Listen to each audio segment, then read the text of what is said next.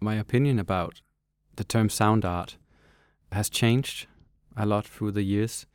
If we look back at uh, like 10 years, this term was uh, to me still new. Uh, back then, I was speaking about um, what I do more as a sort of a link to music concrete or experimental music or electronic music. But now, uh, sound art has been so such a hyped word, I think.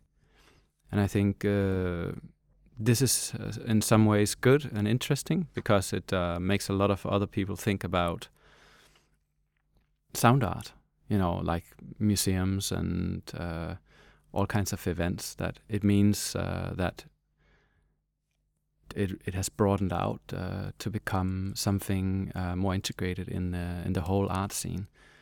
But I do think that soon it's not really necessary anymore hopefully, to call things sound art. I mean, look at the term visual art. Why is it called visual art? Is it all visual? Does it have to be visual? I think uh, you you use terms in order to define things, but once they're defined, uh, you maybe don't need to to to use them anymore. I think using technology uh, and embracing uh, the abilities of uh, recording tools and it goes two ways in in the sense that the medium is the message and the medium is not the message. And it's uh, of course uh, I um, let myself inspire by uh, what I can record. You know if I get if I'm presented to uh, you know I've been using accelerometers for many years. And when I first used it it was in Cologne when I had actually listened with my ears to uh, a fence along the Rhine River. And I could hear a lot of uh, overtones in that fence. But uh, I wasn't sure how to record it. But then I was introduced to these accelerometers, and then I went to record it. So I think initially, for me, the curiosity to figure out wow, there is something else, there is something behind the immediate, there's something there is a sound that generates itself tones within that structure, that fence structure, that does it all by itself or because of the stream of the water or vibration in the air or whatever. That was so mind blowing to experience this, and I wanted to do something with this. So that that uh, curiosity arose from somewhere else than technique.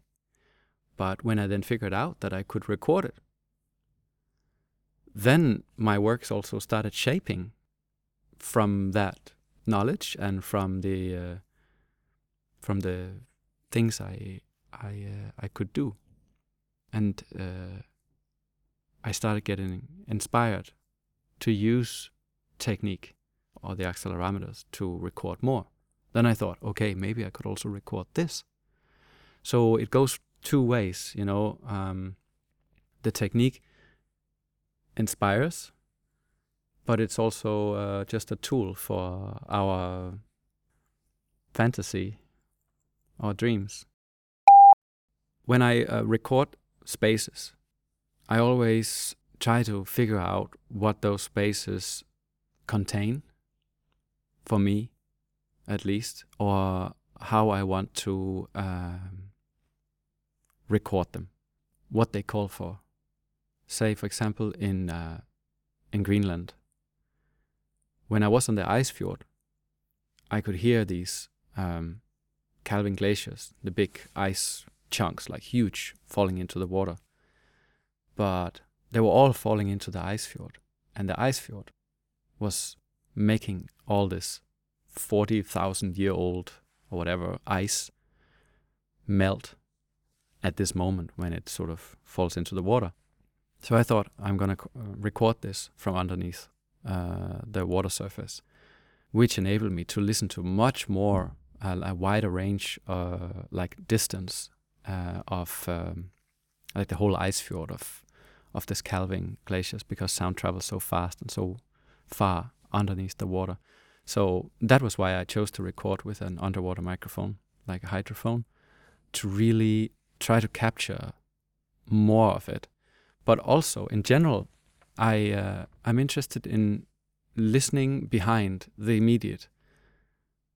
That means listen within the water, within the the the ice surfaces, uh, or to use uh, vibration sensors to record underneath the earth. Or this is um, I'm doing this because I generally believe that we contain much more than what we immediately see. That also goes for like a, on a human level. You know, we have a surface as well, but we also have a something behind our surface, and it's a way to try to to go behind uh, what we immediately hear and question ourselves: Is that really all? I mean, maybe there is something behind, and I think that can teach us something. And there is always something to find. There is always, you know. Uh, I'm happy to live in this time where we have this technique also to uh, to pick up uh, things because it's really there. It's um, it's an extension of our perception in a way. As far as what I understand from Seth Cohen's um, uh, theory on the non-cochlear art, uh, I agree because I think with the terms of sound art is the term sound art is um, something that is still pretty new and that is uh, something that needs to be defined. I mean, you saw the MoMA exhibition, it was like sound art. And then there were as many journalists coming to for this uh, pre-opening as there were for Edward Hopper at the MoMA, which uh, maybe shows that whoa, this is like the new deal, yeah, the new thing, you know, like sound art. Whoa, what is this? Curiosity, great. But um, is it really that segregated? Because uh, that exhibition was very much like uh, looking like a so-called visual art show, I think. And I think that's great because uh, often when I have been at the Transmediale in uh, Berlin, to me it looks like a, a fair for technique. You know, like a lot of flat screens, a lot of you know like things like TV screens to look at and so on and I feel very dictated to having to look uh, at a screen. So I think it's great when things can can melt and where you don't have to distinguish so much anymore whether you know a sound art exhibition should that be just a lot of listening rooms? Are we not allowed to use any visuals? You know is it really like a distinction like why did you use an object? Isn't that sound art that's supposed to just to be sound? I think it's very rigid. You know, uh, so do we refrain from calling it sound art and then just call it art and then use sound and then just to experience things and embrace things as they are? Do we have to have a label? I don't know. I can't say. But I do definitely think that for me, the source of my creations come from sound. But I don't uh, refrain from using other media for telling my story or to bring forth that, to create a, a piece of art that is full, that has a different spectra, that uses different media. As far as I know, it's uh, not known uh, really what exactly causes otoacoustic emissions what is known is where it comes from. Like it's uh, basically vibrations uh, of the hair cells that just vibrate. Uh, it can be uh, a result of a very active ear, a very healthy ear, because it does die out with age, with damage of the ears. Uh, it doesn't necessarily mean that you have to be deaf not to have uh, this uh, otoacoustic emissions. But I, for example, have none.